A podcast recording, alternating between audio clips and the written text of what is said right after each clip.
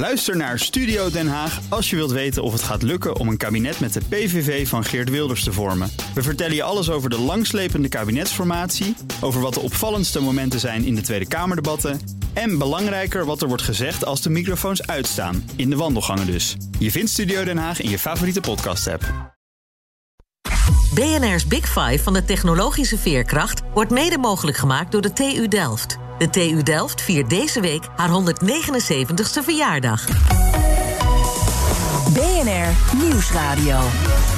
The Big Five. Art Rojakkers. Welkom bij BNR's Big Five. Fijn dat je luistert. Technologie maakt onze samenleving weerbaarder. Het helpt ons rampen en crisis te bestrijden. Het kan een antwoord zijn op de grote uitdagingen waar we mee geconfronteerd worden. Maar dan moeten we technologie wel op de juiste manier inzetten. Daarom deze week van de technologische veerkracht. En vandaag bij me Jim Stolsen. Goedemorgen. Goedemorgen. Schrijver en ondernemer op het gebied van kunstmatige intelligentie. Laten we beginnen met drie stellingen waar je met ja of nee op moet antwoorden. Terecht dat er sceptisch bestaat over kunstmatige intelligentie. Zeker. Over 50 jaar sturen algoritmes ons aan in plaats van wij hen. Onzin. Onzin zelf niet eens. Nee, maar het is nog erger. En wij kunnen algoritmes in de toekomst menselijker maken. Nee. Ah, ik wil van alle drie gaan we op terugkomen, want ik ben naar alle drie zeer benieuwd. Je hebt een boek geschreven, Algoritmisering, wen er maar aan. Ja, wen ook maar aan de titel. Ja, precies. Ik probeer het goed uit te spreken hier. Ja. Waarom moeten we eraan wennen aan algoritmes? Ja, precies. Het gaat niet weg. Dat is de reden dat ik voor deze titel heb gekozen. Ik heb er lang over gesproken met mijn uitgever. En die zei eigenlijk, nee, met de AI will save the world... of iets dergelijks in de titel. Ik zeg, nee, eh, dat geldt ook al Rotterdammer in mij. We moeten gewoon beschrijven wat het is. Het is de volgende fase van digitalisering. We hebben heel veel data, we hebben heel veel processen gedigitaliseerd, gevirtualiseerd. De vraag is nu, wat gaan we met die data doen? En daar heb je nieuw gereedschap voor nodig. En dat zijn kleine stukjes wiskunde, kleine stukjes code. En die noemen we algoritmen. Ja, dat is eigenlijk de, de simpele uitleg van wat kunstmatige intelligentie, algoritme, AI, al die termen die Ja. je allemaal hoort, waarvan heel veel mensen denken: ah, ik weet ongeveer wat het betekent, maar dat is het eigenlijk. Ja, en moet je oppassen dat het. eh, ze zijn niet synoniem. Het is niet AI is algoritme of algoritme is, eh, is, is AI. Want bijvoorbeeld. Je kan niet tegen algoritmes zijn. Als je geen algoritmes in je leven wil, dan doen ook de stoplichten het niet.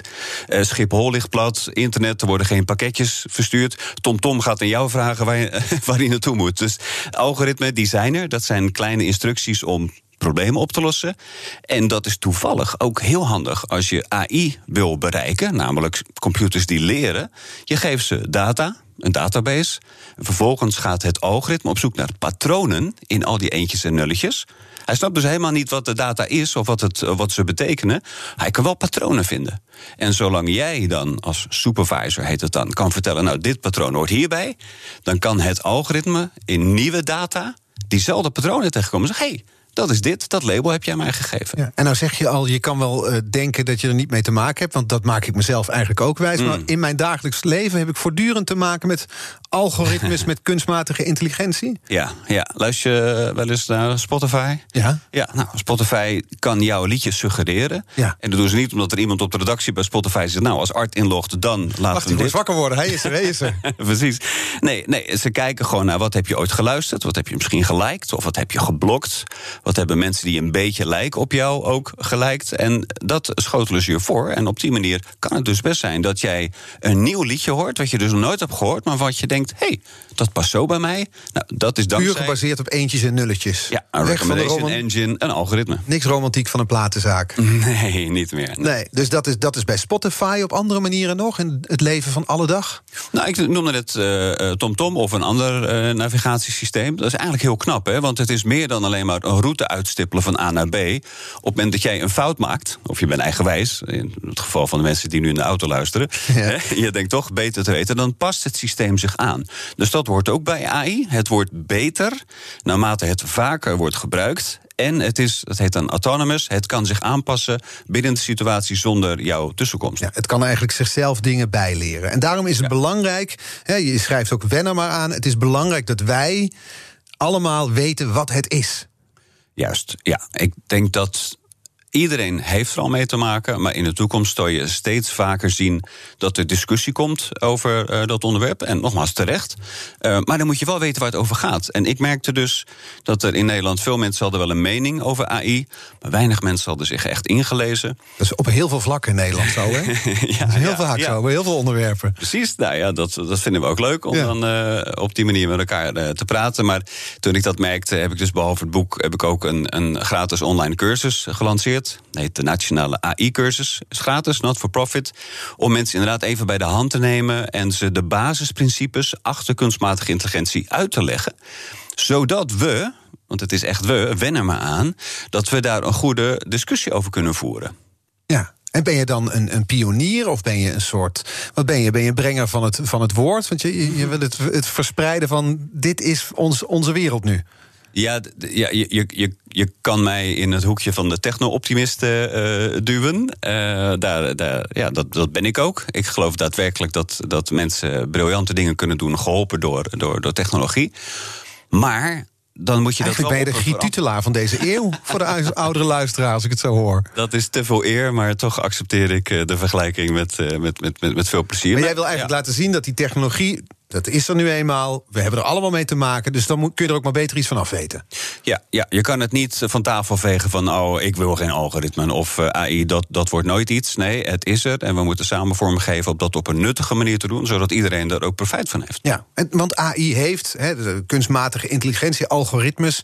dat heeft een imagodeuk opgelopen. Er zijn veel mensen, er zullen ook veel luisteraars zijn... die documentaires als The Great Hack of The Social Dilemma mhm. hebben gezien. Daarin wordt een donker beeld geschetst op Netflix over de macht van big tech. Daar heb je het dan over die grote bedrijven die, die deze algoritmes inzetten. Ja. Uh, en dat dat niet altijd ten goede gaat. Ben je er ook van geschrokken toen je die zag? Niet geschrokken van dat het gebeurde, want dat wist ik wel. Uh, de manier waarop het gebracht werd, dat was wel heel knap. Ik denk dat dat, uh, dat dat veel gedaan heeft uiteindelijk voor de publieke uh, perceptie. Het was wel heel erg doom en gloom, maar goed, dat was ook wel nodig. Want we komen uit een tijd van hype, dat oh, AI gaat alles oplossen en het is allemaal fantastisch. Nou ja, zo werkt het niet. Gartner, dat, zo'n bekend bedrijf, heeft daar een mooi model voor. Dat heet de hype cycle. En dan blijkt dat elke nieuwe technologie, die maakt twee fasen door van toenemende belangstelling. En de eerste fase, dat is de hype. dan uh, vindt iedereen het prachtig en dan hebben we het allemaal over de, over de toepassingen. Vervolgens komt er een soort ontnuchtering, een realisatie, eigenlijk een frustratie van ja, maar het werkt nog niet. En er komen allerlei bugs en het is niet snel en het, is, het vergroot ongelijkheid. En dan zit je dus echt in een dip. Nou, we zitten nu in die dip. Maar dan daarna, dan zie je dat die problemen die worden aangekaart. En die techbedrijven met hun hele foute businessmodellen, die worden aangepakt. En op een gegeven moment zie je dat AI er wel kan zijn op een eerlijke, verantwoorde manier. die echt bijdraagt aan een beter leven. Ja, maar die dip waar jij het over hebt, daar zitten we dan nu in. Dat komt, ja. want dat komt ook wel door een aantal schandalen die we hebben meegemaakt. We hebben het Cambridge Analytica-schandaal. Ja. Waren die Facebook-data. Er uh, werden modellen ontwikkeld die het stemgedrag van kiezers in Amerika konden beïnvloeden. Uh, dat, daar was uh, een heleboel privacybreuken. Werden, allerlei mensen werden gegevens verzameld van mensen die daar helemaal niks van wisten. Ging jij door dit soort incidenten, dacht je, oh ja, logisch, dat hoort bij die curve? Of dacht jij, ja, dit is nou de donkere kant van kunstmatige intelligentie? Nee, nee, nee, dit is absoluut niet de donkere kant van kunstmatige intelligentie. Dit is de donkere kant van de mensheid. Want Cambridge Analytica, dat is gewoon strafbaar. De manier waarop, wat, waarop zij hun data hebben vergaard, dat mag niet. Dat, is, dat, dat was de echte fout. Mhm. De modellen die ze hebben gebruikt om volgens mensen in drie swing states bepaalde kleine micromessages te laten zien op Facebook, dat deed Obama ook. Dat deed Clinton ook. Dat, dat, dat is niet nieuw. Maar wat zij fout hebben gedaan, is die uh, ja, die verkeerde manier van, uh, van data verzamelen. Maar hoe voorkom je dat, die verkeerde manier van data verzamelen? Want het is natuurlijk een snoepwinkel voor mensen die het kunnen, kunnen binnenhalen. Ja, precies, nou, je slaat de spijker op zijn kop. Uh, macht corrumpeert ook, dus we hebben wetgeving en handhaving nodig. En daar zie je dus dat het heel lastig is, of eigenlijk te laat dat er wordt ingegrepen bij uh, big tech. Je hebt het zelf ook al gezegd, hè, de, uh, dat is nu een ding. Op het moment dat jij big tech uitspreekt, dan zeggen oeh, hè, dat is fout. Ja. Uh, tien jaar geleden was dat cool. Hè, dat, dat iedereen werken Silicon Valley, bedoel je? Ja, ja precies. En ik, ik, ik heb zelf ook op een podium gestaan en, en, en gezegd, let's fail fast en fail often. Dat was heel stoer om snel te innoveren. Nu zeggen we erbij, ja, maar niet met persoonsgegevens van iemand anders. He, je kan niet zomaar even even snel iets uitproberen waar ander, anderen dan uh, last van uh, kunnen hebben. En dat is dus wat Silicon Valley met toch wel wat arrogantie wat daar zit, uh, dat ze nu hopelijk wel gaan leren. Ja. Want het, maar het hangt wel één op één samen, eigenlijk wat ik beschrijf. Dus die, die, die Cambridge Analytica, maar ook die, die documentaires, The Great Hack of The Social Dilemma, waarin het gaat over eigenlijk hoe je met vrij makkelijke methoden, als je maar genoeg data hebt, grote groepen mensen kunt ja. manipuleren. Ja, ja, ja dat is. De, de, nu, nu zeg je het goed. Het zijn uh, slechte intenties uitgevoerd met middelen, met technologie. Want uh, wat ik al in het begin zei, een algoritme is gewoon een stapsgewijze instructie om iets uit te voeren. Maar het begint dus met een mens of een organisatie die een doelstelling heeft. Die zegt: we willen dit bereiken. En daar gaan we een technologie, een algoritme voor inzetten. Zo kan je bijvoorbeeld zien dat uh, Twitter. Uh, dat is eigenlijk een algoritmisch reclamebureau. Mag ik uitleggen wat dat is? Graag.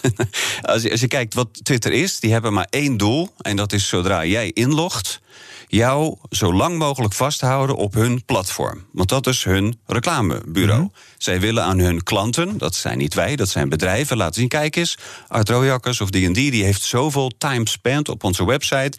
Dus hij heeft banners gezien, et cetera. Dat is het enige wat Twitter wil. Het is een online reclamebureau. Nou, dat is hun doelstelling. Wat is dan hun middel?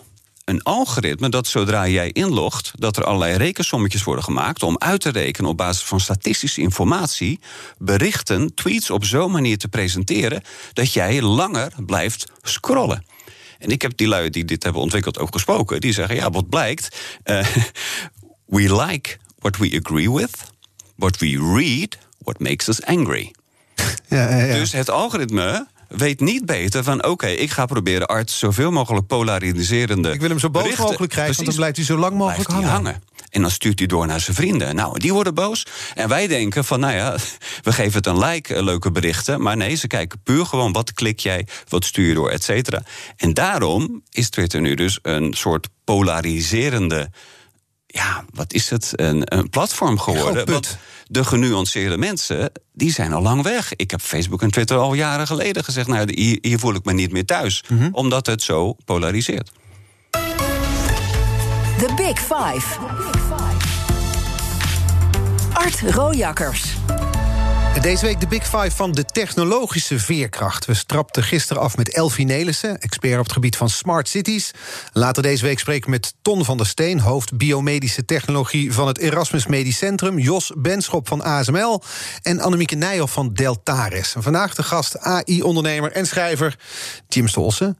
En Jim, als we eens iets verder de toekomst in kijken. We hebben nu in kaart gebracht wat algoritmes zijn, kunstmatige intelligentie, hoe we er nu voor staan.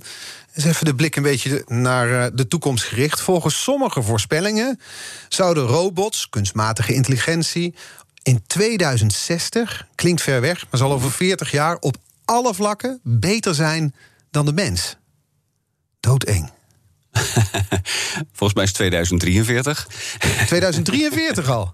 ja, dan, dat is een theoretisch concept van Ray Kurzweil. Dan bereiken we de singularity. Ja. Wat is een singulariteit? Dat komt eigenlijk uit de, uit de, uit de sterrenkunde. Dat is een, een, moment dat er een, een black hole, een zwart gat ontstaat in het heelal. Dan kan je niet voorbij dat zwarte gat kijken. Dus dat weten we niet. Dat mm -hmm. is een singulariteit. En Ray Kurzweil, dus een bekende futuroloog, ja. uitvinder, uh, die heeft berekend. Uh, dus dat is niet uh, glazen bol kijken. Die heeft berekend op basis van de data die hij voorhanden had. dat er over een paar jaar een computer komt van 1000 dollar. die evenveel rekenkracht heeft als één menselijk brein. Nou, dat is dan, als dat een paar keer verdubbelt. dan heb je op een gegeven moment heb je rond 2043 voor 1000 dollar. een computer die evenveel rekenkracht heeft. als alle mensen op aarde. En je kan je dus moeilijk voorstellen wat dat dan voor gevolg heeft. Daarom heet het een singulariteit. Het is nog veel erger dan ik dacht. Ik zat nog een beetje naïef te rekenen over 40 jaar. Maar over 23 jaar, nou, wat is het, 22 jaar... hebben we één computer die slimmer is dan alle mensen bij elkaar op aarde? Nou, nu wordt het semantisch worstelen. Want ik heb het over rekenkracht, ja? je hebt het over slim zijn. Ja. En dat is iets anders, bedoel die twee? Die gaan niet per se hand in hand. En dat is ook waarom deze discussie zo interessant is... en ook waarom die zo vaak ontspoort. Ja? Het feit dat er dus computers zijn die meer rekenkracht hebben dan een menselijk brein, dat betekent inderdaad dat computers sommige dingen beter kunnen. Ja. Dat is uh, wiskunde. Sommetjes uitrekenen, dingen onthouden, daar zijn wij heel slecht in. Wij kunnen weer andere dingen goed. En dat zit al meer op emotionele intelligentie of op creativiteit. En dat gaat niet per se hand in hand met meer rekenkracht. Dus ik waag te betwijfelen of die computers slimmer worden dan mensen. Ze zullen wel een aantal taken veel slimmer kunnen uitvoeren dan mensen. Ja, maar toch, heel even, als ze toch zo snel kunnen rekenen, die rekenkracht, dan, zijn we, dan lijkt het alsof we onze eigen ondergang aan het faciliteren zijn. Nou, daar zou je bijna een film over kunnen maken. En dan die, die worden er nu al gemaakt. Ja, ja. Eh, ja, nee, Scripts geschreven door hele slimme computers misschien wel. Ja, ja, en ik weet dat een aantal luisteraars nu denken... ah, Jim, die is veel te naïef, hij wijft het weg... eh, want het is alleen maar Hollywood. Nou, ik, heb, ik heb nog geen wetenschappelijke onderbouwingen gezien van die sprong. Natuurlijk, computers worden inderdaad slimmer... en die algoritmische modellen, naarmate we meer data genereren... worden ze ook steeds accurater, dus ze kunnen echt goed dingen eh, voorspellen. Maar dan zit er in die in die redeneringen van sommige mensen zit er een soort sprong. Ja. Dat daardoor ook zelfbewustzijn bij zo'n machine terechtkomt. Alsof een rekenmachientje stiekem s'nachts, als jij aan het slapen bent, zelf sommetjes gaat Nou uitrekenen. ja, je hebt dat, dat voorbeeld, dat is enigszins berucht. Jij kent het ongetwijfeld, maar ik zal het voor de luisteraars dan uitleggen. Er waren twee robots, Alice en Bob. 2017 is dit voorbeeld. Die moesten vanuit Facebook leren eh, hoe ze ja, konden eh, onderhandelen. En die ontwikkelden een eigen taal die alleen zij begrepen. De programmeurs stonden daarnaar te kijken en die dachten... we trekken de stekker eruit, dit is eng. Ze beginnen met elkaar te communiceren zonder dat we weten waar het over gaat. Ja, nou, welkom in mijn wereld. Ik ben professioneel debunker. Dit verhaal is een hoax. Het is, daarna is het ook een paar keer als, eh, gepresenteerd als eh, twee robots bij Google. eh, hebben stiekem een eigen taal ontwikkeld... en de ontwikkelaars hebben de stekker eruit moeten trekken. Dat is allemaal niet waar. Ik moet zeggen dat jij nog wel een, een redelijke representatie van het verhaal geeft. Het was inderdaad een chatprogramma... wat ze wilden leren om te onderhandelen met een ander Precies, chatprogramma. en ze begonnen zichzelf te herhalen, woorden te herhalen. En hoe praten computers? De, de ene computer die zei, oké, bal, bal. En de ander zei, boek, boek. En daarmee was de onderhandeling een feit. Ja. En die onderzoekers dachten, oh, maar dat is niet natural language. Eh, we hebben het niet goed aangepakt. We gaan iets anders proberen. Maar dat is dus echt iets anders. Dan een geheimtaal. Oeh, ze hebben stiekem samen, hebben ze under cahoots. Nee, Maar het zegt iets over de, de angst die er Het misschien zegt is. iets over de mens. Het ja. zegt iets over onze angst dat robots, ik laat ze maar, laat ze maar robots even noemen, AI, hoe je het ook noemt, dat Ja. die ons gaan vervangen. Want eh, als ik toch, Ste- Stephen Hawking heeft ervoor gewaarschuwd. Dat is toch niet de eerste de beste. Elon Musk vreest voor een robot-dictator die ons stervelingen voor eeuwig zal onderdrukken. Zijn toch niet de minste, Jim? Nou, dat is, wij, mensen, wij beschouwen onszelf als master of the universe. Hè, dus als robots inderdaad eh, een beetje klein, R2-D2 zijn, dan vinden we ze lief. Ja. Ze zijn een soort huisdieren, koetsie koetsie. Maar zodra ze een beetje op ons beginnen te lijken... of op sommige vlakken, wat we net al zeiden... op basis van rekenkracht een aantal taken beter uit kunnen voeren dan wij... dan gaan we in de... Ja, dan halen we de handrem aan. Dan gaan de hakken in het zand, want dan vinden we het eng. En eh, ik denk ook dat als de computerwetenschappers of de AI-experts één ding fout hebben gedaan, dan is het het kunstmatige intelligentie noemen. Want daarmee sta je al achter in elke discussie. Het is zoiets van, oh, het is kunstmatig, dus het vervangt ons. Je merkt nu steeds meer dat we het eigenlijk hebben over AI, staat voor augmented intelligence. In plaats van artificial. Juist, Ja. het zijn systemen die ons mensen betere beslissingen laten nemen. Mhm. En als je er zo naar kijkt, dan is het opeens een stuk minder gevaarlijk, een stuk minder bedreigend. Dus ook als je mij nu voortaan vraagt: is AI artificial intelligence? Dan zeg ik nee, het staat voor augmented intelligence. Oké, ja, dan ga ik het vertaan ook zo. Ik ga het proberen dit uur erin te houden dan. Augmented intelligence. Ja. De, jij, jij kent ongetwijfeld de robotwetten van Asimov. Zeker. De bekende science fiction schrijvers. Er zijn er drie, hè? Drie wetten. Eh, die gaan over dat een robot een mens geen letsel mag toebrengen. Een robot de bevelen moet uitvoeren die hem door mensen worden gegeven. En een robot moet zijn eigen bestaan beschermen. Ja. ja. Zijn die ook van waarde voor kunstmatige intelligentie? Het is in ieder geval een, een, een goede basis. Eh, je merkt nu wel dat er meerdere principes zijn eh, gepubliceerd. ehm, om ervoor te zorgen dat die systemen aan bepaalde voorwaarden voldoen. Eh, die worden ook internationaal omarmd. Niet per se eh, door eh, iedereen. Het is niet Asimov, maar Asimolar. Dat is een bepaald eh, een mooi resort in, het, in het zuiden van, van de Verenigde Staten. Daar zijn slimme koppen bij elkaar gekomen om met elkaar een soort nieuwe laws of robotics, maar dan de laws of AI met elkaar op te stellen. Dat zijn er 23 geworden, dus we hadden er niet genoeg Nee. aan drie. Ik zeg we, omdat ik de Nederlandse vertaling heb, Ah, heb gemaakt. ja. En daar wordt dus inderdaad heel duidelijk eh, gezegd dat we, en dan gaat het over de AI-gemeenschap, dat we niet al die kennis die nu wordt opgedaan, dat we die in moeten zetten voor bijvoorbeeld het ontwikkelen van nieuwe wapens. Mhm. Of we moeten het niet inzetten voor. Dus het gaat weer over die doelstelling. Het Mhm. is een middel. Wat ga je ermee doen? Ja, en maar als er een middel eh, bestaat. eh, ik had voor de uitzending erover dat alles wat wij bedenken, alle rare dingen, alle slechte dingen, alle perverse dingen, alles wat jij kan bedenken bestaat. Dus alles wat je kan bedenken voor slechts, Mhm. Ja. eh, dat zal ook ontwikkeld worden. Ja. Volgens mij ook een universele wet, zo'n beetje. Dat klopt. En dat maakt het ook een, eh, een wapenwetloop. De, de slechterikken die gebruiken ook AI. Ja. En we zullen het ongetwijfeld over deepfakes hebben. Dat, eh, dat zijn natuurlijk voorbeelden waarbij AI, weer, wederom de technologie, die kan er niet zoveel aan doen, maar die wordt op een vervelende manier ingezet. Betekent dat dan dat wij die technologie moeten, moeten reguleren? Hè? Moeten we eh, deep learning verbieden? Nee, dat is het, echt het stomste wat je kan doen. Want op het moment dat je de technologie gaat reguleren, Ja. dan kan een onderzoeker in het eh, Erasmus MC die beeldherkenning om kanker op te sporen wil gebruiken, die mag ook niet meer die technologie gebruiken. Nee, maar die deepfakes, dan noem je inderdaad iets. Dat is dus. we gaan toe naar een wereld waarin het steeds moeilijker is vast te stellen of een filmpje echt is of niet. Er wordt nu een programma op RTL 4 uitgezonden waarin boven Ervedorus het nog als amusement inzet. Maar je kan dus straks. Donald Trump of weet ik de Joe Biden laten zeggen wat je wil. En je weet eigenlijk niet meer wanneer het nou echt is of niet. Ja. Omdat computers het gezicht perfect kunnen namaken. Dit is een heel groot probleem. En dit is ook, eh, ik heb 2021 ook eh, de Twilight Zone eh, genoemd. Dat wil zeggen dat alles wat je nu op internet ziet, hoort of leest, daarvan moet je eigenlijk bijvoorbeeld ervan uitgaan dat het nep is, tenzij aangetoond is dat het echt is. Maar hoe doe je dat? Hoe kun je zo leven? Nou, dat is nu dus even in die Twilight Zone. Is dat het beste wat we hebben? Intussen zijn natuurlijk de, de good guys... eh, nou, in, hier in de buurt Amsterdam UvA, het lab van Theo Gevers... die zijn heel druk bezig, hebben ze ook al opgeleverd. Dat zijn systemen die kunnen deepfakes herkennen. Dat zou je dan forensische AI kunnen noemen. Ja. Met andere woorden, als jij als op- opsporingsdienst of jij als journalist eh, opeens een filmpje online ziet van Mark Rutte die wel hele gekke, eh haatzaaiende dingen zegt. Ja. Je weet niet of het nou echt is of nep. Dan kan je dat dus dankzij die technologie van Theo Gevers, die, dat u- upload je, even simpel gezegd. En dan zegt het systeem: dit is een deepfake of nee, dit is authentiek. Ja, maar- Dus dan kan je ermee verder. Maar moet je kijken hoeveel stappen je dus moet zetten. En Je, Ja. je beschreef net wat Twitter doet. Bij Twitter blijkt dat als je je boos maakt om iets... dan blijf je langer op het platform hangen. Ja. Deepfakes kunnen ervoor zorgen dat je je sneller boos maakt. Ja, Ik zag precies. deze week een foto voorbij komen... van de Amerikaanse actrice Whoopi Goldberg... die zogenaamd op straat gefotografeerd was met een foto... waarop stond een t-shirt waarop stond Shoot Trump. Met een pistool. Mm. Ja. Dat bleek nep te zijn. Dus dat, dat t-shirt zat een heel ander t-shirt aan. Maar als je dus dat ziet en het niet kan controleren, dan denk je: wat is dit precies? En dit is dan misschien nog enigszins onschuldig, maar je kan je voorstellen wat er allemaal wel niet mogelijk is. Ja, nou, algoritmisering. Wen er maar aan. Dit is nu de fase waarin we leven. We kunnen het niet eh Ik terugdraaien. wil er niet aan wennen. dat wil ik niet. Nee, maar je kan ook niet je kop in het zand steken en, en, en het negeren. Het is er. Daarom zeg ik, het is een twilight zone. We zitten nu echt midden in die dip. Hè?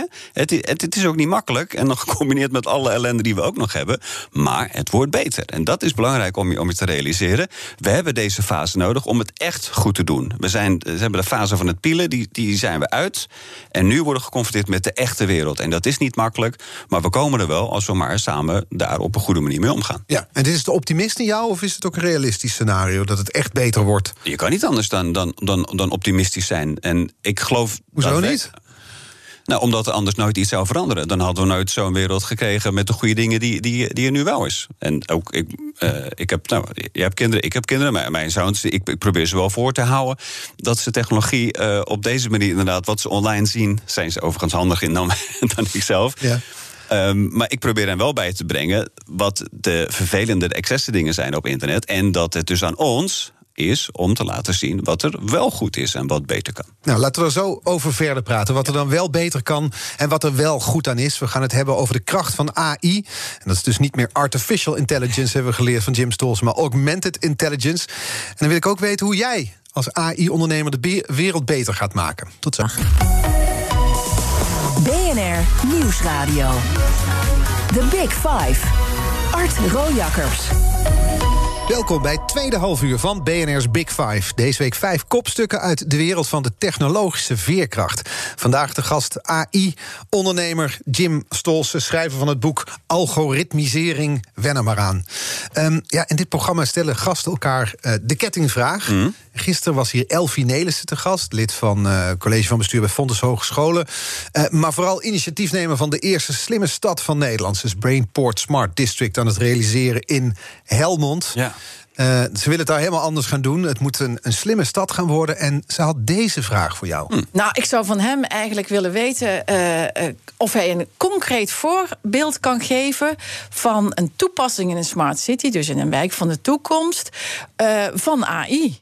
Ja, wat zijn nou interessante AI-toepassingen, die kunstmatige intelligentie voor een, een slimme stad? Ja, ja. ja, ik ben een groot, groot fan van, van Helmond hoor. En de, de, de hele Brainport uh, region. En wat ik daar zo goed vind, is dat zij een slimme stad, een smart city, dat ze zeggen dat begint bij een intelligent community. Dus dat zijn de mensen die plannen hebben, die bepaalde ideeën hebben. En dan gaan we kijken hoe we technologie of eventueel big data kunnen gebruiken om dat eh, te ondersteunen. En wat ik dan dus aan Elfie mee uh, wil geven, is dat de beste manier om dat te doen, is toch door middel van hackathons. En hackathons, heb je, heb je daar wel eens van gehoord, Art? Nee. Dat, dat um, een marathon, dat weet je. Ja, dat is uh, 22 Eén keer gedaan, nooit meer. Ja, ik vond het verschrikkelijk. Ja. Oké, okay, nou, een hackathon, dat is 24 of 48 uur met een groep aan de slag om te kijken of we door middel van coderen, dus programmeren, um, een probleem op kan lossen. Dus het valt in staat met een goede opdracht. Jongens, mm -hmm. dit is de challenge. Ja. En dan gaan vervolgens heel veel teams die gaan met elkaar kijken hoe ze op basis van data, slimme scriptjes, openbare bronnen, et cetera, dat probleem kunnen tackelen. En je ziet dus heel vaak dat bij zo'n uh, smart city probleem ja. dat er iets mist. En dat kan een bepaalde dataset zijn. Of er mist een bepaalde slimmigheid. Dat kan een algoritme zijn. Of gewoon een, een, een, een idee wat nog niet eerder geopperd is. Ik, ik, ik ben vaak bij dit soort uh, hackathons. Ik ben ook wel eens geweest bij een hackathon. Uh, die werd georganiseerd door de Google Android. Die hadden net die toestellen en ze wilden weten wat ze daar nou mee konden. Die telefoontje bedoel je? Sorry, dank ja? je. Ja, precies, de, de, de telefoons. En dat was op een gegeven ogenblik, dan loop je zo daar rond en overal bus dat. Op een gegeven moment hoor je, huh, that's funny. Ja. En dan, hoeit, dan zie je opeens iedereen naar die groep toe gaan. En nou, wat bleek? Iemand zei: Ik heb hier dus een Android-telefoon. Ja? Die gaat met, uh, even kijken, met 115 km per uur door een weiland. Huh? Huh? Oh, dat is een trein. En vervolgens is dat team is daar opgesprongen op die data. En die hadden, nou ja, binnen vier, vijf uur... hadden ze een real-time spoorboekje van de NS... wat accurater beter was dan de reisplanner van de NS. En daar is vervolgens een samenwerking uitgekomen tussen Google wel, en de NS. Ja, ik vind dat wel een laag doel. Het is niet zo heel moeilijk om efficiënter te zijn dan de NS. Heb je niet een hele hackathon voor nodig? Nee, nee inderdaad. Maar het, het zet natuurlijk bij de NS ook wel... Uh, die zijn nu ook volop bezig yeah, met, uh, met data en algoritme. Het, je kan inderdaad, je hebt soms betere data dan je eigen database. Maar eigenlijk wat je zegt tegen Elfie is misschien zo'n hackathon om ja. de stad nog slimmer te maken. Jij hebt twee zoons, heb je? Hè? Volgens mij zijn ze aan het puberen zo'n beetje nu. Volop. Ja. ja. Uh, zie jij ze al wonen over een jaar of tien, of weet ik wanneer ze op zichzelf gaan wonen, in een stad vol kunstmatige intelligentie? Nou, dat is een, uh, dat is een, mooie, dat is een mooie vraag. Ik, ik, ik weet niet goed hoe een stad voor kunstmatige intelligentie uh, eruit ziet. Het is onzichtbare technologie. Mm -hmm. En wat AI goed kan, is optimaliseren. Ja. Dus wat ik hoop, is dat inderdaad uh, wethouders of mensen die een slimme stad uh, besturen, dat die inderdaad AI gebruiken om te optimaliseren. Dan heb ik het over uh, verkeersstromen, heb ik het over CO2, luchtkwaliteit. Dat zijn allemaal meetbare dingen die je kan optimaliseren als je maar de juiste databronnen bij elkaar brengt. Daardoor dan modellen creëert die daarvan kunnen leren. En vervolgens, het valt en staat er met gedrag. Ja, maar, we hadden gisteren ja. heel concreet bijvoorbeeld, als ik dat vertaal, misschien is dit iets wat je bedoelt? Dat je bijvoorbeeld thuis de wekker gaat zonder dat je het weet, gaat een half uurtje later, want er staan zoveel files, dat toch geen zin heeft om vroeg op te staan. Ja. Dat is zo'n voorbeeld van slimmer leven dan. Ja, nou ja, om later op te staan hebben mijn zoons geen wekker nodig. maar nee, ik, ik, ik snap wat je bedoelt. Dat zijn concrete voorbeelden die het leven beter maken. Heb je nog meer van dat soort voorbeelden? In, uh, in, in, in de stad? Nou ja, dus eigenlijk, wat zijn voor jou nou mooie voorbeelden van de algoritmes die ons uh, verder helpen. Want mm, we ja. hebben artsen die, uh, we hadden het al over, die met behulp van een algoritme sneller een diagnose kunnen stellen. Een algoritme dat bijvoorbeeld de levensduur van een gebouw kan voorspellen. Dus op dat soort, dat soort zaken moeten we denken, volgens mij. En zo kan Ja. het ons verder helpen. Nou, en, dat, en dan zie je dus ook dat eh, in het geval van die, eh, van die arts of van de eh, medisch professional, is het echt augmented intelligence. Het is niet zo dat er een robot ergens allerlei foto's eh, aan het eh, bekijken is. Nee, die, die arts die heeft nu eigenlijk een soort eh, second opinion, heeft hij altijd bij zich. Hij kan zelf kijken naar een foto van iemands oog bijvoorbeeld en daar een diagnose eh, op ba- baseren. Maar tegelijkertijd is er het systeem wat met hem meekijkt en die dan zegt: Oh, maar ik had hem zo. Of Ja. ik had hem zo. Dus hij krijgt een extra paar ogen om eh, zijn diagnose. dubbelcheck. Ja. Ja, en dat is natuurlijk hard nodig. Sterker nog, als je dat even iets doortrekt, er staat natuurlijk veel druk op de zorg. Eh, eh, artsen hebben, hebben weinig tijd. Dan kan je ook voorstellen dat zo'n algoritmisch model alvast even een paar duizend dossiers doorakkert. En vervolgens een stapeltje maakt dat als de arts dan even tijd heeft om zich daarin te verdiepen, dat hij niet op alfabet legt of bovenaan begint, maar dat hij de dossiers voor ogen krijgt die het meest prangend zijn, die hij echt als eerste moet bekijken. Ja, ja. Dus dat kan ook de zorg ontlasten. Ja, dat is dan op het gebied van zorg. En als we bijvoorbeeld naar zo'n slimme stad teruggaan. Probleem binnen een stad is altijd logistiek. Ja. Eh, in de file staan of auto's die allemaal op dezelfde plek op hetzelfde moment willen zijn. Dat kun je ook oplossen met algoritmes of kunstmatige intelligentie. Nou, dat is dus waarom ik zeg, het valt en staat dan met gedrag. Want je kan inderdaad dan wel mensen een nudge eh, sturen van... joh, ga maar een klein prikje, een appje op hun telefoon... Ja. van, hey Art, eh, je mag een half uurtje later vertrekken. Ja. Maar vervolgens zijn wij natuurlijk wel allemaal hartstikke eigenwijs... en nou, dat bepalen we zelf wel. Dus dat is meestal waar dit soort mooie eh, modellen geen rekening mee houden... Nee. is dat de mens eigenwijs, eh, arrogant en... eh, ehm, nou ja, laat het daarbij houden is. Eigenwijs en arrogant. Waarom kijk je nou naar mij? Moet toch aangesproken hier. Ja. Welke trends op AI-gebied of kunstmatige intelligentie in de nabije toekomst, dus zeg dit jaar, volgend jaar, hou jij scherp in de gaten? Waar denk je van, nou, dit is iets wat eraan zit te komen, dat is interessant. Ja, nou ja, ik denk dat, dat veel mensen in het AI-veld eh, volledig ondersteboven waren toen GPT-3 werd gelanceerd. GPT-3, het staat voor General Pre-trained Transformer. Sorry voor al het eh, jargon, maar dat is eigenlijk een taalmodel. Eh, wat, wat is een taalmodel? Een taalmodel dat is dus een algoritmisch model wat heel veel teksten heeft geanalyseerd. Eentjes en nulletjes, patronen opzoeken. En nu zelf teksten kan produceren. En dat is echt een breakthrough. Want tot nu toe, ook in mijn verhaal, AI is leren van data, hebben we het steeds over het analyseren. Maar dit model kan ook produceren. Ja. En dat is echt een game changer. Ik heb daar voorbeelden van gezien. Eh, The Guardian heeft zelfs een artikel gepubliceerd. wat naar hun zeggen 100% was geschreven door dit taalmodel, door deze robot. Is niet helemaal waar, want ze hebben zelf een kleine prompt gemaakt, een beginnetje. Want alleen met een beginnetje kan de robot, het systeem kan het het afmaken. En ze hebben zelf het model acht keer aan de gang gezet en ze hebben daar de beste passages uit, eh, uitgeknipt. Maar goed, zo werkt het nu eenmaal. Maar we zijn dus op weg naar een algoritme dat een bestseller kan schrijven. Zo'n boek als dit, Algoritmisering, wen er maar aan van jou. Dat wordt over vijf jaar door een computer zelf geschreven. Dat is helemaal geen, geen gekke eh, voorspelling. Eh, de, teksten die er al zijn, op een andere manier herproduceren, dat gaat wel. Het zal niet een echt mooi, spannend. Eh, fictie, een roman kunnen, kunnen schrijven. Daar, daar is meer voor nodig.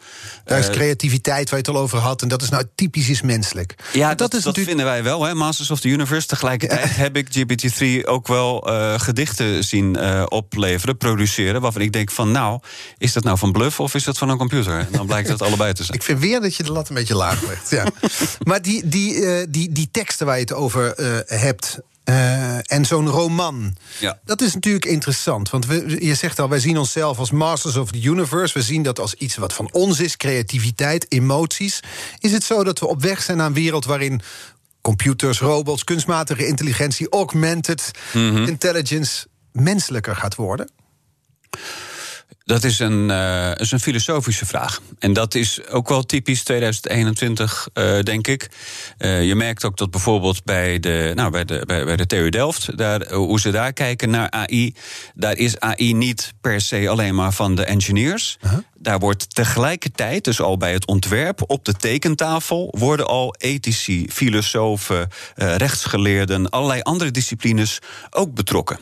En dat is het model van de toekomst. En TU Delft doet dat volgens mij al, al, al, al meer dan tien jaar. Maar je ziet nu ook dat andere universiteiten dat model ook gaan. Uh, gaan overnemen. AI is te belangrijk om over te laten aan de technologen. Laten we het zo zeggen. Je moet al vanaf het begin af aan, dat heet dan uh, privacy by design of ethical by design. Je moet van tevoren nadenken over welk doel gaan wij ons algoritme meegeven. Mm -hmm. uh, sterker nog, als wij deze data hiervoor gebruiken, dan heb je kans dat een bepaalde groep, bevolkingsgroep, oververtegenwoordigd is in dit model. En dat kan zorgen voor bias of voor ingenomenheid van het model. Daar moeten we nu al actie op ondernemen. Ja. Dus dat zijn eigenlijk de vragen die je nu zou, uh, zou, zou moeten stellen. Ja, en dus, maar de, de, dat betekent dus dat je met, eigenlijk leert aan computers, noem maar even wat gemak, met een bredere blik te kijken dan 0-1 zwart-wit digitaal zoals we nu doen. Ja, dus de, de, kan dat dan? Nou, jouw vraag is dus: worden algoritmen of worden uh, computers daardoor menselijker? Maar dat is eigenlijk een, een onzinvraag, met alle respect, Art. Ja? Computer zou het nooit zo stom doen als ik, ja? computers hebben niks menselijks. Uh, wat wij wel kunnen doen, is onze menselijkheid proberen mee te programmeren, mee te ontwerpen in die modellen. En dat heet dan nou, bijvoorbeeld responsible data science of uh, human values, dat je dat probeert mee te bouwen in die modellen. Ja opdat ze niet uit de band schieten. Dat ja. ze niet inderdaad mensen discrimineren of. Uh... Maar ze boot, het is eigenlijk een trucje. Ze bootsen ons na. Ze worden niet menselijk, maar ze doen net, net zoals zorgrobots. Dat, dat voelt dan, ach, die kun je fijn ja. knuffelen en zo. Maar ja. het, het, het, heeft niks met echt menselijk zijn te maken, bedoel je? Klopt. Het is geprogrammeerd, dus het is een, een, een, een simulatie. Maar als het vervolgens inderdaad toevallig iemand die eenzaam is, als die, die robot of dat leuke zeehond uh, robotje ervaart als gezelschap. Prima, wie ben ik dan om, om te zeggen het is niet echt? Nee. Voor die persoon is het wel echt. Ja. Maar het gaat mij te ver om nu te zeggen dat computers menselijke eigenschappen krijgen. Ja, ja oké. Okay. Uh, ondertussen is iets heel menselijks binnengekomen. BNR Nieuwsradio. The Big Five. Art Rojakkers. Je luistert naar BNR's Big Five van de technologische veerkracht. En vandaag verdiepen we ons in de wereld van AI, augmented of artificial intelligence. Ligt eraan met wie je het erover hebt. En vandaag doen we dat met tech-ondernemer Jim Stolzen. Um, ja, we hadden het eerder over het probleem van nepnieuws. Van polariserende content op ja. grote platforms. Jij zei al, ik ben, we zitten nu in een dip. Mm -hmm. Dit probleem zal worden opgelost. Uh, hoe, hoe, hoe, hoe? Hoe gaat dat gebeuren? Leg het ja, ons uit. Gaat dat vanzelf? Nee, dat gaat niet uh, vanzelf. Dat betekent dat wij, en dan uh, spreek ik nu dus echt de luisteraars van, uh, van BNR toe. Ik, ik, geef ook trainingen aan, aan, aan toezichthouders en dergelijke. Je merkt dat we een nieuw gereedschapskistje met nieuwe vragen hebben. Tot voor kort, als jij toezicht hield op een organisatie, op een bestuur, dan kon je vragen: oké, okay, zijn we in control? Is er verder nog iets dat we moeten weten om deze jaarrekening goed te keuren? Ja of nee? Nee, oké, okay, en door. Nu heb je opeens een heel ander pakket aan vragen. Nu ga je stellen: oké, okay, hoe gebruikt onze organisatie uh, data en algoritme om in te kopen of om onze klanten te helpen? Als daar dan tijdens die vergadering geen antwoord op komt, zeg je: ja. geef niks, volgende keer vraag ik het weer. Nou, volgende keer komt dan waarschijnlijk het antwoord met een soort inventarisatie, een overzicht van: kijk, dit zijn de plekken waar wij algoritmische modellen gebruiken. Dan ga je volgens doorvragen. Zeg je: oké, op welke data zijn die modellen getraind? Welke data is niet gebruikt? Hoe zijn we aan die data gekomen? Is die data gekocht? Wie heeft die data gelabeld? Welke labels zijn niet gebruikt? Je hebt, en als dan het antwoord is dat weten we niet, zeg ik: geef niet. Volgende keer vraag ik het weer. En zo help je eigenlijk je organisatie om die verantwoordelijkheid, want dat is het, te nemen om ervoor te zorgen dat als jij dan binnen dat grotere begrip digitale transformatie, als jij dan inderdaad AI probeert in te zetten, ja. dat je in ieder geval de basis op orde hebt. Maar wacht. Volgens mij was dit alles toch bedoeld om ons leven makkelijker te maken. Moet je kijken wat je voor opzomming je nu doet. Ja, maar daarom zeg ik, het gaat niet vanzelf. Er is een morele plicht nu, er is een verantwoordelijkheid bij organisaties...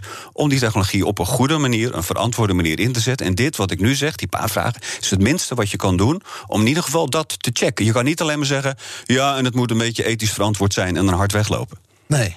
En dit is dan dus uh, waar je het over hebt in, in nou ja, het bedrijfsleven. Ook als we kijken naar de overheid. Iwan gaat het straks hebben over die, die toeslagenaffaire. Ja daarin hebben algoritmes in zekere zin ook een rol gespeeld. Er werden mensen gecontroleerd.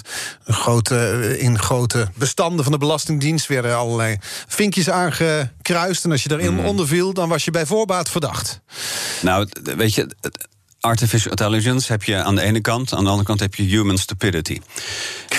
En weet je, slecht beleid is slecht beleid. Daar kan je nog zoveel AI tegenaan gooien of algoritmes uh, achterplakken. Mm Het garbage in is garbage out. In dit geval deugde gewoon het beleid niet. Heeft niks met uh, eh, AI niks te met maken. technologie te maken, nee. Maar dan toch, hoe, hoe, als je naar de overheid kijkt, wat zou, je hebt net het bedrijfsleven besproken, wat zou de overheid moeten doen als het gaat om dit soort ontwikkelingen? Ja, ja, dat is een hele spannende vraag. Want aan de ene kant, wij als burgers zeggen... de overheid moet eigenlijk steeds meer en steeds beter doen met steeds minder. Dus ze moeten maar een beetje innovatief zijn. Ja. ze moeten die technologie omarmen, die digitale transformatie. Tegelijkertijd, zodra er ook maar iemand binnen de overheid zegt: uh, we willen iets proberen op te lossen met ICT, dan is dat heel slecht voor zijn of haar carrière. Want voor je het weet zijn er messen geslepen en uh, wordt er boos. Het gaat meestal ook niet zo goed ICT bij de overheid. Nee, en dat is best wel een, nou, eigenlijk een drama. Um, je zei het al, ik ben AI-ondernemer. Een van mijn klanten is notabene het ministerie van uh, VWS. En um, ik moet zeggen, ik heb geen organisatie gezien, geen mensen gezien die prudenter omgingen met persoonsgegevens om met hun, uh, hun wettelijke taak Terwijl ze wel proberen om dat op een innovatieve manier te doen. En ze vinden het ook niet fijn als ik er zo publiekelijk over spreek. Omdat inderdaad het, het meme, het frame, is natuurlijk... oh jee, overheid en algoritme, dat gaat vast niet goed. Maar in mhm. dit geval hebben we echt geprobeerd om die principes die ik net noemde... responsible data science, om die vanaf het begin af aan in te bouwen. Dus de Chief Privacy Officer van VWS, die is er... die was bij elke meeting en die stelde allemaal van die hele moeilijke vragen. Ja. En wij moesten dat antwoord hebben, anders dan zie je volgende meeting. Snap je?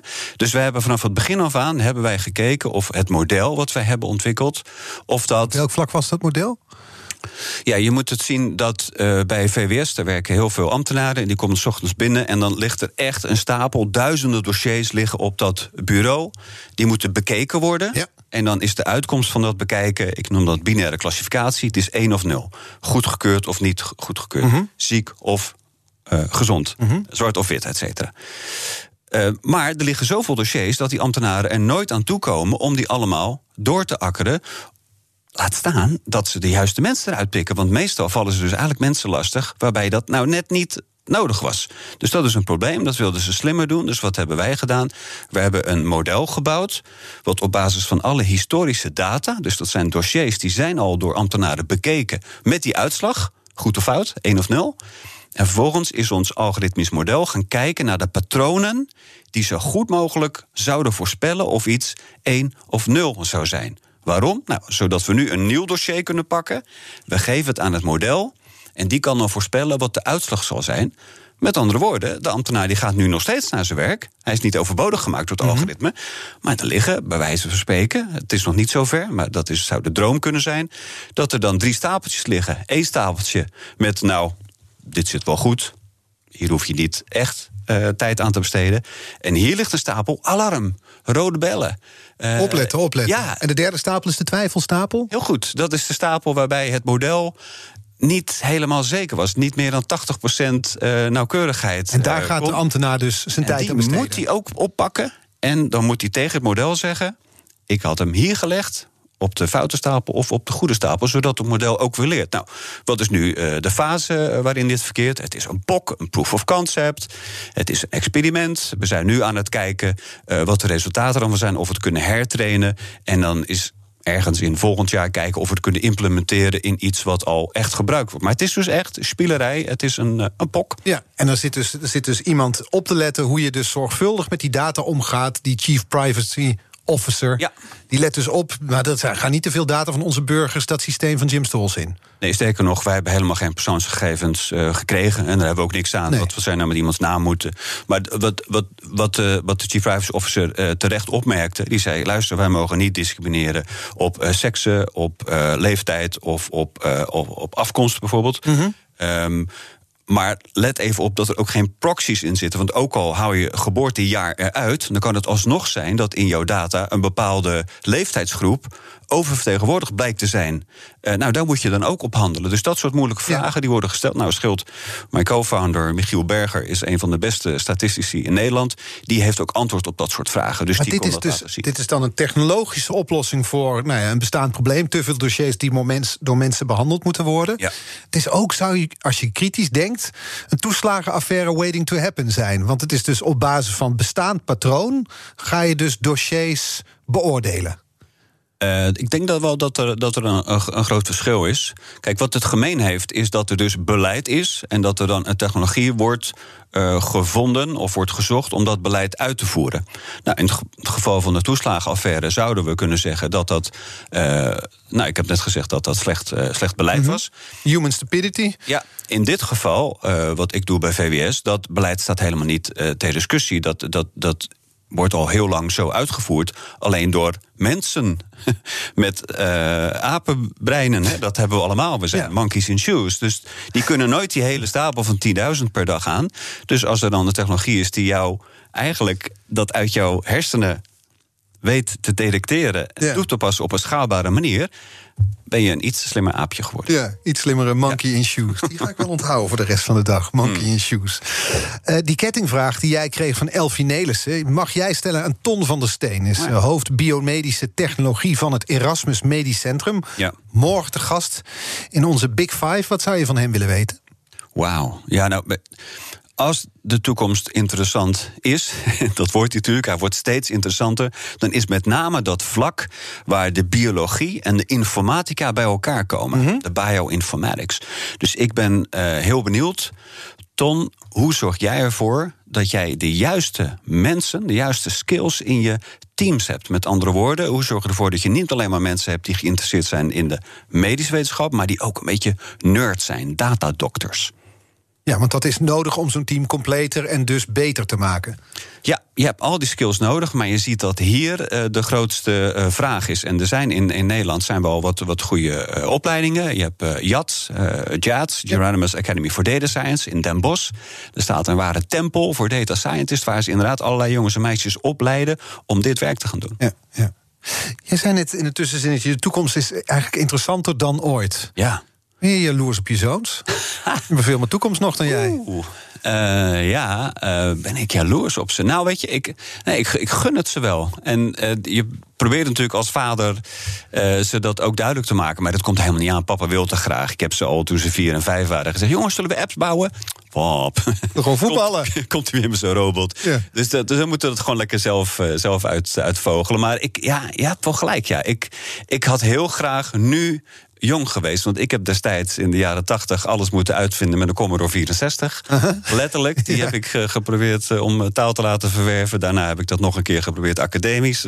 Briljant mislukt. Terwijl als ja. ik nu kijk welke data en modellen er nu gewoon op de plank liggen. Ja, dat is een fantastische tijd. Wat was er anders geweest als je nu jong was geweest? Wat had je dan meer kunnen doen? Nou, dan, dan had ik echt kunnen doen wat ik nu zou willen doen.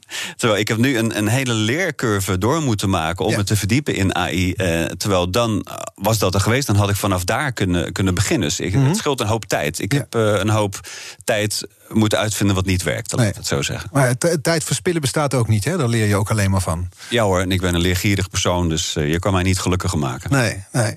Ik vond het interessant om met je te spreken over uh, artificial intelligence, wat we vanaf nu augmented intelligence noemen. Je hebt een aantal ja. uh, verhalen gedebunked, zoals die robots die een eigen taal ontwikkelen. Dat mm. gaan we nooit meer gebruiken, dat bestaat niet. Ik noem mezelf staan ook een monkey in shoes. artificial rooijakkers. Artificial rooijakkers, dat vind ik ook een goede inderdaad. Ja. Dankjewel, Jim Stolze, AI-ondernemer, schrijver van het boek Algoritmisering. Wen er maar aan. Uh, morgen dus hier te gast Ton van der Steen, hoofd biomedische technologie van het Erasmus Medisch Centrum. We gaan hem onder andere de kettingvraag van Jim voorleggen. Uh, deze aflevering van Big Five is terug te luisteren. Uh, de podcast is te vinden in de BNR-app en op bnr.nl, net als de aflevering van gisteren. En nu op deze zender Iwan Verrips met BNR Breekt. Tot morgen. BNR's Big Five van de technologische veerkracht wordt mede mogelijk gemaakt door de TU Delft. De TU Delft viert deze week haar 179ste verjaardag. Bij BNR ben je altijd als eerste op de hoogte van het laatste nieuws. Luister dagelijks live via internet. Bas van Werven. En heel langzaam komt de zon op rond dit tijdstip. Je krijgt inzicht in de dag die komt op BNR, het Binnenhof in Nederland en de rest van de wereld. De Ochtendspits. Voor de beste start van je werkdag. Blijf scherp en mis niets.